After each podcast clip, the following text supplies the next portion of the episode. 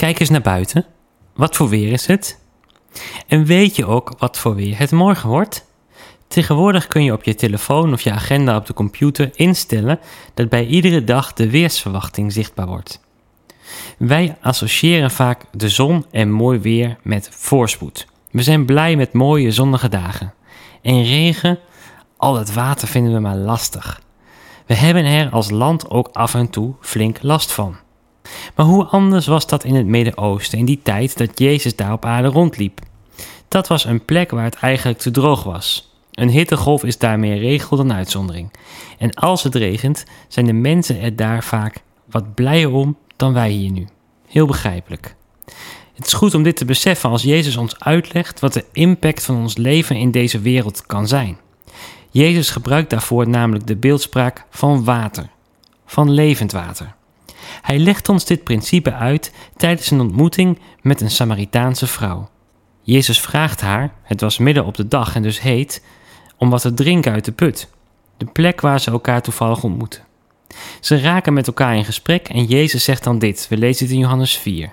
Als u wist wat God wil geven, zou u hem erom vragen en dan zou hij u levend water geven.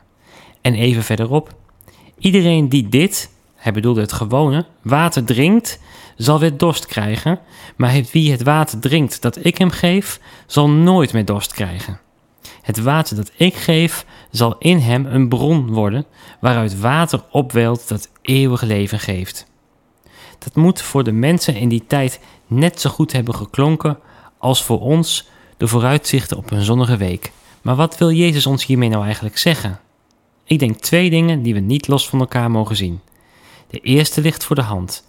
Als je in je leven dorst hebt, oftewel je kunt de hitte van het leven niet meer aan, dan moet je bij Jezus zijn. De psalmdichter zegt het zo mooi.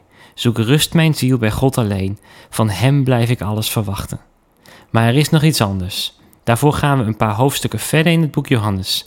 In hoofdstuk 7 gebruikt Jezus de term levend water nog een keer. daar zegt hij: Laat wie dorst heeft bij mij komen en drinken. Rivieren van levend water zullen stromen uit het hart van wie in mij gelooft. Niet alleen wordt onze eigen dorst gelest door levend water, maar we worden er zelf ook een bron van. Een bron van leven en verkoeling voor anderen. Jezus wil ons leren dat wij door zijn Heilige Geest, want daar duidt het de term levend water ook op, het leven in de wereld kunnen brengen. Water is essentieel in iedere samenleving.